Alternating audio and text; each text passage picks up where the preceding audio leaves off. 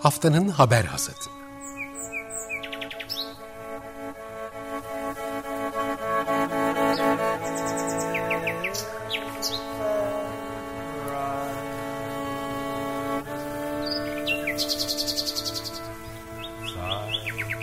Haftanın öne çıkan iklim haberleri ve araştırmalarından okumalar ve yorumlar.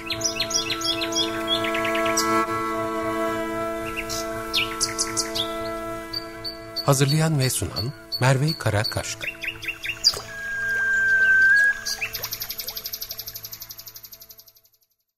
Günaydın Açık Radyo'da Haftanın Haber Asatı programımıza hoş geldiniz. Ben Merve Karakaşka.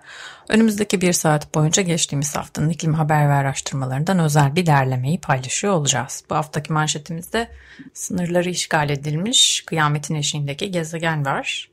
Konularımıza kuraklıkla ilgili güncel bir araştırmayla başlıyoruz.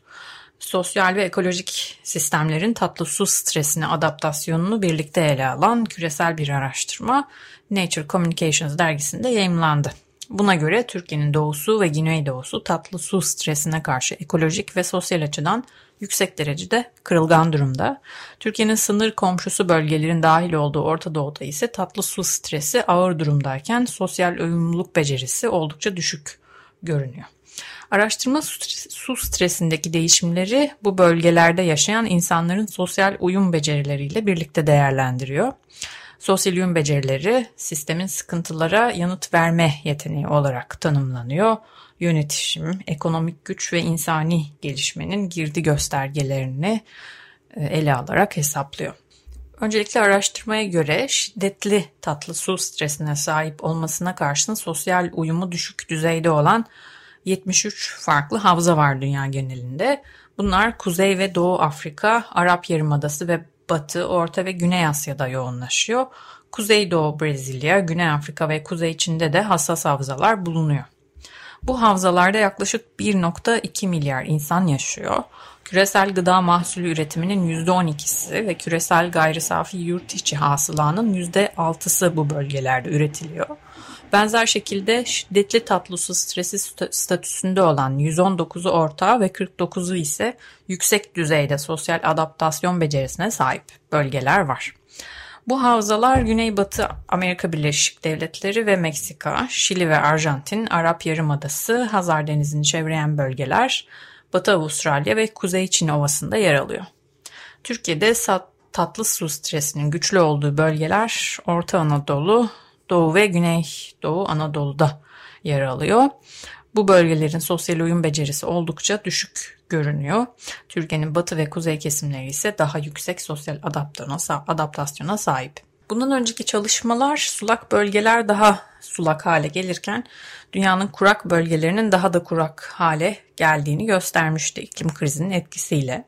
Fakat bu çalışma diyor ki dünyanın stres, su stresi çeken bölgelerinin daha kurak hale geldiğini ve dünyanın su stresi çekmeyen bölgelerinin tatlı su konusunda net bir genel eğilimi olmadığını bulduk diyorlar araştırmacılar. Araştırmanın ana amaçlarından biri sosyal, ekolojik adaptasyon açısından dünyanın kırılgan noktalarını tespit etmek. En savunmasız havzalar tatlı su stresi ve yeraltı su kaybını birlikte yaşıyorlar. Aynı zamanda sosyal adaptasyon becerileri de düşük tahmin edeceğiniz gibi. Araştırma tüm havzaların %14'ünü ve küresel kara alanının %11'ini temsil eden 168 havzayı hassas noktalar olarak belirliyor. Bu hassas 168 havzadan 78'i ki bu tüm havzaların %6'sına denk geliyor. Çok yüksek yani en şiddetli hassasiyet gösteren bölgeler. Bu havzalar nerede peki? Arjantin, Kuzeydoğu Brezilya, Güneybatı Amerika, Meksika, Kuzeydoğu ve Güney Afrika, Orta Doğu ve Arap Yarımadası, Kafkaslar, Batı Asya, Kuzey Hindistan ve Pakistan, Güneydoğu Asya ve Kuzey Çin'i kapsıyor. Yani oldukça geniş bir coğrafya ve her kıta bundan pay alıyor. Türkiye'nin doğu ve güneydoğusunun da dahil olduğu havzaların 90'ı, tüm havzaların %7'si yüksek hassasiyet bölgeleri olarak sınıflandırılıyor. Yani en şiddetlinin bir altındaki bölgeler. Türkiye'nin orta ve batı bölgelerinin dahil olduğu 232 havza ki bu tüm havzaların %19'u geçiş havzaları, havzaları olarak nitelendiriliyor. Yani bu havzalarda e, küresel kırılganlık dağılımında aşırı değerler gözlenmiyor. Ama aynı zamanda hiç kırılgan değil de denmiyor buralara. Ee, buralarda toplam 1,5 milyardan fazla insan küresel gıda mahsulü üretiminin %17'sini üstleniyor ve küresel gayri safi yurt, yurt içi hasılanın da %13'ü kırılgan havza, havzalardan sağlanıyor. Buradaki nüfusun 300 milyonu küresel gıda mahsulü üretiminin %4'ü ve küresel gayri safi yurt içi hasılanın %4'ü 78 çok yüksek kırılganlık havzasında sağlanıyor. Araştırmacılar ayrıca biyoçeşitlik ve havza tatlı su durumu arasındaki ilişkiyle tutarlı olarak en hassas havzaların taksonomik olarak daha az biyoçeşitliliğe sahip olduğunu bulduklarını belirtiyorlar. Biyoçeşitlilik seviyesindeki düşüş tatlı su stresi ve yeraltı sularının kaybıyla bağlantılı olabilir. Ancak bunun kesin bir şekilde söylenmesi için ek araştırmalara ihtiyaç var da diyorlar. Ee, kırılgan bölgelerle ilgili bir diğer önemli not uluslararası öneme sahip 157 sulak alanında buralarda bulunması ve bu hassas ortamlarda korunmalarına öncelik verilmesi gerektiği. Yeraltı sularının azalması kuraklık sıklığını artırıyor. Yani aslında bu bölgelerde yaşanan stresin etkileri neler olabilir diye baktığın, bakıldığında e, burada kuraklık sıklıkları artabilir. E, su tablolarında düşüşler olduğu için bitki köklerinin su alımı sınırlanabilir ve yeraltı suyuna bağlı ekosistemler zarar görebilir. E, kara yüzeyinde enerji dengesi bozulur, ekosistemin kuraklığa karşı direnci azalır ve eğer problem sulamadan kaynaklanıyorsa daha geniş bir bölge etkilenir. Kırılgan bölgeler sosyolojik olarak evsel, endüstriyel ya da tarımsal ihtiyaçlar için daha az su bulur. Suya erişimin tehli tehlikeye girmesi ise ülke içinde sınıfsal çatışmaları tetikler çünkü e, daha yoksul olanlar bu durumdan daha olumsuz etkilenir. Bunun dışında yine e, sınırlar arasında da gerilimi, güvenlik tırnak içinde çatışmalar tetiklenebilir su ile ilgili. Araştırma şunu da not ediyor. 2000 yılından bu yana belgelenen 700 su çatışmasının üçte ikisi ki bu toplam çatışmaların %68 demek. Ee, bu analizde ya geçiş havzası ya da kırılgan havza olarak nitelenen bölgelerde yaşanmış. Hasat'a böyle hızlı bir başlangıç yaptık. Şimdi Hasat'ın diğer haberlerine geçmeden önce bir şarkı dinleyelim. Feist The Water isimli şarkısıyla bizimle birlikte olacak. Ardından Açık Radyo'da haftanın haber adına devam edeceğiz. Açık Radyo'da Feist dinledik. The Water isimli şarkısıyla bizimle birlikteydi. Hasat'ın diğer haberlerinde ilk yine Akdeniz'i Türkiye'yi yakından ilgilendiren bir araştırma var. İklim krizi Akdeniz mercanlarını çöküşe sürüklüyor. Yeni bir araştırma iklim kriziyle bağlantılı deniz ısı dalgalarının Akdeniz'deki mercan popülasyonlarını azalttığını ve bazı mercanların biyokütlelerinin %80 ila %90'ını kaybetmesine sebep olduğunu buldu. İklim krizi dünya çapında deniz ekosistemlerini ciddi şekilde tehdit ediyor ve Akdeniz'de bir istisna değil. Özellikle iklim kriziyle bağlantılı deniz ısı dalgaları bu havzanın tüm kıyı ekosistemlerinde toplu ölüm olaylarına neden oluyor ve en çok etkilenen türler arasında Akdeniz mercanları var. Denizdeki ısı dalgalarının bu organizmalar üzerindeki ani etkisini analiz eden çalışmalara rağmen mercanın uzun vadeli dayanıklılığına ilişkin bilgilerdeki eksikliği adresleyen yeni bir araştırma sıcak hava dalgalarının mercanları çöküşe sürüklediğini buldu. University of Barcelona liderliğinde yürütülen bir araştırma bu. 2003 yılında yaşanan bir sıcak hava dalgasından sonra mercanların iyileşip iyileşmediğini anlamak için uzun vadeli verileri analiz ediyor. Fransa'nın Korsika adasındaki Scandola bölgesindeki korunan e, deniz alanında farklı mercan popülasyonları, yoğunluk, boyut yapısı ve biyokütle verilerine bakan araştırmacılar mercan popülasyonlarının 2003'teki sıcak hava dalgasından bu yana iyileşmekten öte çökme eğiliminde olduğunu buldular.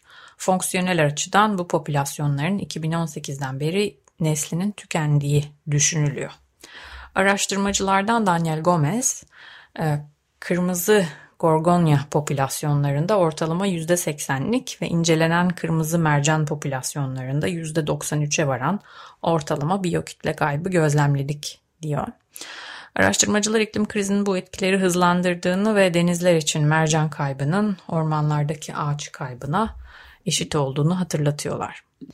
Araştırmacılar iklim krizinin etkileri geri döndürülemez hale gelmeden önce kök sebeplerinin adreslenmesi gerektiği konusunda acele edilmesine yönelik çağrıda bulunuyorlar. Şimdi hazır Barcelona'dan bir araştırma yayımlamışken Katalan müziği dinlemenin doğru vakti olduğunu düşünüyorum. Açık Radyo'da Raymond bizimle din, birlikte olacak. Katalonya'nın protest şarkıcılarından, efsanevi müzisyenlerinden. Digem No isimli şarkısı Haydi Hayır diyelim. Türkçe'ye böyle çevirebiliriz. Ardından haftanın haber satına devam edeceğiz. Açık Radyo'da Raymond dinledik. Digem Nah isimli şarkısıyla bizimle birlikteydi. Haftanın haber hasatında hasatın diğer haberlerine kaldığımız yerden devam ediyoruz. E, suyu, karayı, toprağı ve havayı aynı zamanda kirletmeye devam eden gezegen için oldukça önemli bir risk e, teşkil eden kimyasal kirlilikle ilgili türünün ilk örneği olan bir araştırma yayımlandı. Araştırmacılardan bir alıntı 1950'den beri kimyasal üretimde 50 kat artış oldu. Bunun 2050 yılına kadar tekrar 3 katına çıkması bekleniyor diyor. Stockholm Üniversitesi'nden, Stockholm Dayanıklık Merkezi'nden Patricia Villarubia Gomez diyor bunları. Ve kimyasal kirlilik açısından gezegenin güvenli sayılan sınırlarının aşıldığını söylüyor bu araştırma. Ee, 2000 ile 2015 yılları arasında tek başına plastik üretiminde %79 arttığını söylüyorlar. Sen, sentetik kimyasalların yeryüzü sisteminin kararlılığı üzerindeki etkisini ilk kez değerlendiren, değerlendirdiğini söyleyen araştırma için 14 bilim insanı, insan, insanlığın plastikler de dahil olmak üzere çevresel kirleticilerle ilgili gezegenin sınırını aştığı sonucuna varıyor. Araştırmaya göre dünya çapında 350 bin farklı türde üretilmiş kimyasal madde bulunduğu tahmin ediliyor. Bunların içinde plastikler, böcek zehirleri, endüstriyel kimyasallar, tüketici ürünlerindeki kimyasallar, antibiyotikler ve diğer ilaçlar var. Bunların hepsi dünya sistemi üzerinde büyük ölçüde bilinmeyen etkileri olan insan faaliyetleri ile üretiliyor ve bunların hepsi yeni varlıklar. Bu yeni varlıkların hacimlerinin önemli bir bölümü de her yıl doğaya giriyor. Göteborg Üniversitesi'nden araştırmanın ortak yazarı Bethane Carney-Almbrot, bu kirleticilerin doğaya giriş hızı hükümetlerin bırakın olası sorunları kontrol etme kapasitesini, küresel ve bölgesel riskleri değerlendirme kapasitesini bile çok aşıyor diyor. Gezegenin sınırları ilk kez 2009 yılında uluslararası bir araştırma ekibi tarafından ortaya konmuştu. Onlar dünyanın 10 bin yıl boyunca içinde kaldığı olağanüstü istikrarlı durumu neye borçlu olduğunu araştırmışlar ve 9 tane gezegen sınırı belirlemişlerdi. İşte bu sınırlar arasında sera gazı emisyonları, ozon tabakası, ormanlar, tatlı sular ve biyolojik biyolojik çeşitlilik gibi e, önemli faktörler vardı.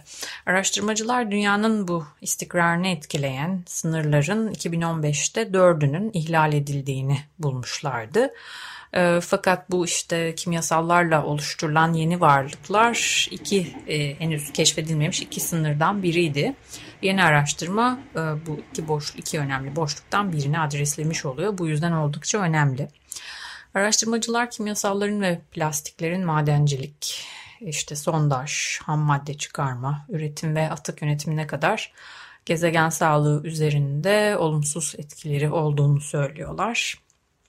Araştırmacılar bu kirleticilerin bazıları Kuzey Kutbu'ndan Antarktika'ya kadar küresel olarak her yerde bulunabilir ve son derece kalıcı olabilirler diyorlar. Biyolojik çeşitlilik ve biyojeokimyasal döngüler de dahil olmak üzere dünya sistemleri üzerinde olumsuz etkilere dair çok güçlü kanıtlarımız var diyorlar. Bu yeni varlıkların, yeni üretilmiş, yeni türetilmiş kimyasalların e, küresel üretimi ve tüketiminin de büyümeye devam etmesi bekleniyor. Hatta endüstriler tarafından istenen, arzulanan bir durum bu. Gezegendeki toplam plastik kütlesi şu anda yaşayan tüm memelilerin kütlesinin iki katından fazla ve e, şimdiye kadar üretilen tüm plastiklerin kabaca %80'i de çevrede kalıyor. E, plastikler 10 binden daha fazla sayıda e, kimyasal içeriyor. Bu nedenle çevresel çevrede bozulmaları yeni malzeme kombinasyonları ve benzeri görülmemiş çevresel tehlikeler yaratıyor. Ee, plastik üretiminin artması yine bekleniyor ve isteniyor ve birçok ülkede atıkları azaltmak için yapılan çabalara rağmen plastik kirliliğinin önlenemediği, imkansız olduğu da biliniyor. Yine araştırmacılar plastiğin üretiminin kullanımının ve atığının çevresel sınırlara, gezegenin sınırlarına etkilediğini söylüyorlar. Bunun yanında örneğin plastik üretiminde fosil yakıt kullanımı iklime etkiliyor. Plastiğin kullanımı kendi başına toprak ve e, tatlı sularda e, etkisi var. Bunun yanında e, plastikler e, istilacı türlerin yayılmasına, antibiyotik e, direncine e, ve patojenik mikropların çoğalmasına sebep olabilecek kapsamlı etkileri sahipler. Bu yüzden plastiklerin aşırı kullanımı gezegenin sağlığına oldukça önemli bir tehdit diyor araştırmacılar ve çözüm önerisi olarak da bu kimyasalların kullanımı ve çevreye atılması konusunda önemli önlemlerin acil olarak alınması, üretimi konusunda da belki azaltmalara gidilmesi gerektiğini söylüyorlar. Hasat'ın diğer haberlerine devam edeceğiz. Şimdi plastiklerle ilgili bir şarkı dinleyelim. Aslında bu konu müzisyenlerin çok ilgisini çeken bir konu. Zamanında Grammy müzisyeni defalarca Grammy alan e, Amerikalı blues şarkıcısı Keb Mo e, da bir plastikle ilgili Don't Throw It Away isimli bir parça yayınlamıştı. Muhtemelen bu konudaki böyle tınısı da en pozitif olan şarkılardan biri. Şimdi onu dinleyeceğiz. E, Keb Mo, Don't Throw It Away diyecek. Ardından Açık Radyo'da haftanın haber hasatına devam edeceğiz. Açık Radyo'da Keb Mo dinledik. Don't throw it away dedi. Plastik sorununun çözümü bu kadar kolay olmasa da ilgili parçalardan biriydi. Şimdi biz bir önceki araştırmada gezegenin sınırlarından bahseden kimyasallarla ilgili araştırma aslında e, biraz e, bu yeni araştırma ilgili ipuçları veriyordu. Antarktika'da bile plastikler, kimyasallar keşfedildiğine dair. Yeni bir araştırma Grönland ve Antarktika'da buz çekirdeklerini inceliyor ve Burada lastik parçacıkları da dahil olmak üzere çeşitli türlerde nanoplastikler keşfetti. Nanoplastikler toksik etkilere neden olabileceğinden araştırmacılar uzak ve bozulmamış alanların beklenenden daha fazla nanoplastik kirliliği içerebileceğini ele alıyorlar. Kutup bölgeleri dünya üzerindeki insan etkileri nedeniyle bozulmamış, nispeten dokunulmamış son alanlardan bazıları. Yine de hem kuzey hem de güney kutup buzulları önemli miktarda nanoplastik içeriyor. Nanoplastikler organizmalarda toksik etkilere neden olabiliyor ancak ölçülmesi bu etkiler ölçülmesi zor olduğundan nanoplastik kirliliğinin dünya çapındaki boyutu şimdiye kadar belirsizliğini koruyordu. Araştırma ile ilgili önemli bir not söylediğimiz gibi buzul, buz çekirdeğine bakıyor olması, buz çekirdeğinin 14 metre derinlikte olması. Bu da 1960'lara e, kadar yani son 50 yıldır bu noktada plastiklerin olduğuna işaret ediyor. Bir diğer önemli nokta Antarktika ile Grönland'ı kıyaslaması ve e, plastik miktarının Antarktika'da Grönland'ın 4 katı kadar olması. Bununla birlikte Grönland'daki nanoplastiklerin türlerine dair veriler de var. İşte e, yarısı polietilenden oluşuyor ki bu tek kullanımlık plastik torbalar, ambalajlarda e, kullanılan bir, yaygınlıkla kullanılan bir kimyasal. E, bu dörtte biri ise lastiklerden, araba lastiklerinden oluşuyor ve beşte biri de PET dediğimiz çoğunlukla şişelerde gördüğümüz plastik tipinden oluşuyor. Araştırmacılar bu plastiklerin bu uzak kıtaya okyanus ya da deniz akıntılarıyla ulaştığını düşünüyorlar. Hasatta sıradaki haberimiz yine gezegenin sınırlarını zorlayan bir e, haber. Alplerden Amazon'a altına hücumun yarattığı yıkım başlığın, başlığıyla veriyoruz. Brezilya Amazon'a altına hücumun yol açtığı yeni ve potansiyel olarak yıkıcı bir tehdidin etkisinde. Geçen yıl Brezilya'dan İsviçre'ye tahmini 1.2 milyar dolar değerinde altın ihraç edildi ve bu da onu Kanada'dan sonra ülkenin altınının en büyük ikinci ihracat pazarı haline getirdi. Resmi rakamlara göre bu altın yaklaşık beşte biri de Amazon'dan geldi. Altına hücum Kayapo, Munduruku ve Yonomami gibi yerli kabileler üzerinde korkunç etkilere sahip. artan kirlilik, ormansızlaşma ve şiddet suçlarındaki artıştan da sorumlu. 2019 ve 2020 yılları arasında yasa dışı madenciler tarafından Amazon havzasına yaklaşık 100 bin ton civa döküldüğü tahmin ediliyor. Amazon halkının tükettiği suları ve balıkları kirleten bu civa merkezi sinir sistemini etkilemekle birlikte böbrek ve karaciğere de ulaşabiliyor. Amazon'a uzanmışken buradaki kabilelerden, yerli insanlardan bir e, ses duyalım, bir parça e, dinleyelim istiyorum. Ashaninka, Peru kökenli aynı zamanda Brezilya, Amazon'unda da yaşadıkları belirtiliyor. Katar isimli e, parçaları var. Onu dinleyeceğiz. Ardından haftanın haber hasatına devam edeceğiz. Açık Radyo'da Ashaninka dinledik. Katar isimli parçalarıyla bizimle birliktelerdi. Şimdi haftanın haber hasatında son haberimizi paylaşacağız. Bu 450 bilim insanının, 450'den daha fazla bilim insanının halkla ilişkiler ve reklamcılık firmalarına gönderdiği açık mektup. 450'den ee, fazla bilim insanı büyük reklamcılık ve halkla ilişkiler firmalarının yöneticilerini fosil yakıt müşterilerini bırakmaya ve iklim değişikliği konusunda dezenformasyonu yayma çabalarına aracı olmayı durdurmaya davet etti.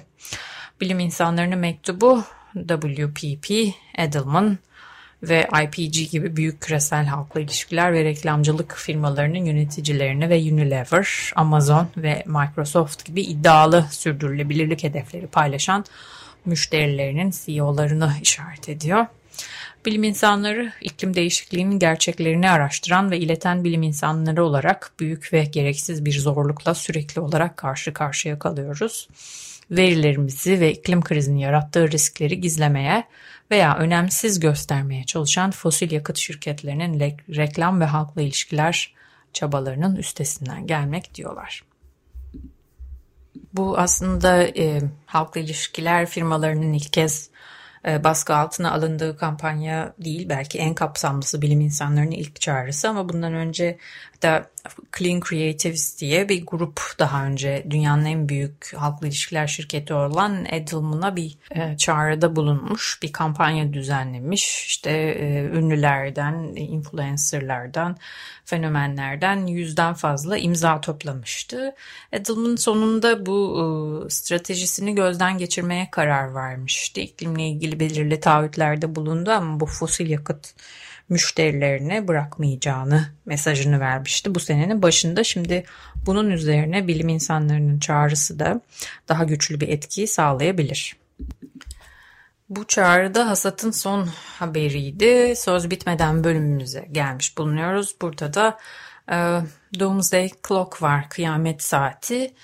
Dünyanın önde gelen bilim ve güvenlik uzmanlarının insanın hayatta kalmasına yönelik tehlikeleri öngörerek bu yargılarını temsil ettiği kıyamet saati bu yıl gece yarısına 100 saniye kalaya ayarlandı. Bulletin of American Scientists Başkanı Rachel Brunson saatin ibrelerinin iki yıl önceki konumuna getirildiğine dikkat çekti ve dünyanın bugün e, o günden daha o andan daha güvenli olmadığını açıkladı. Brunson şunları söyledi. İnsanlık şimdiye kadar gördüğü her şeyi gölgede bırakacak varoluşsal bir felaketten kaçınmak istiyorsa Hükümet liderleri dezenformasyona karşı mücadele etmek, bilime kulak vermek ve işbirliği yapmak için çok daha iyi bir iş çıkarmalı diyor. Saat medeniyetin sonunu getiren kıyameti bugüne kadarki en yakın anda kalmaya devam ediyor. Çünkü dünya son derece tehlikeli bir anda sıkışıp kaldı. Bülten 1945 yılında Albert Einstein, J. Robert Oppenheimer ve ilk nükleer silahları üreten Manhattan projesinde çalışan diğer bilim insanları tarafından kurulmuştu. Felakete karşı küresel kırılganlığı simgeleyen saat fikri de 1947'de ortaya çıkmıştı. Saatin bu yıl 75. yılı yapılan açıklamada iklim krizine de özel bir yer veriliyor. Çok iyi sözler ediliyor ama pratikte e, eylemler bunun gölgesinde kalıyor diyor. Haftanın haber hasatının sonuna geldik. Önümüzdeki hafta daha iyi haberlerle görüşmek üzere. Hoşçakalın.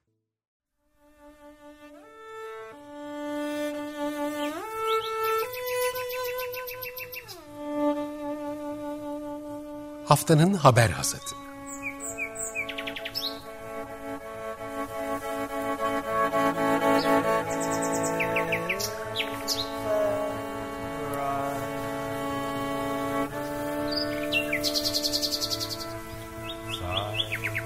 Haftanın öne çıkan iklim haberleri ve araştırmalarından okumalar ve yorumlar.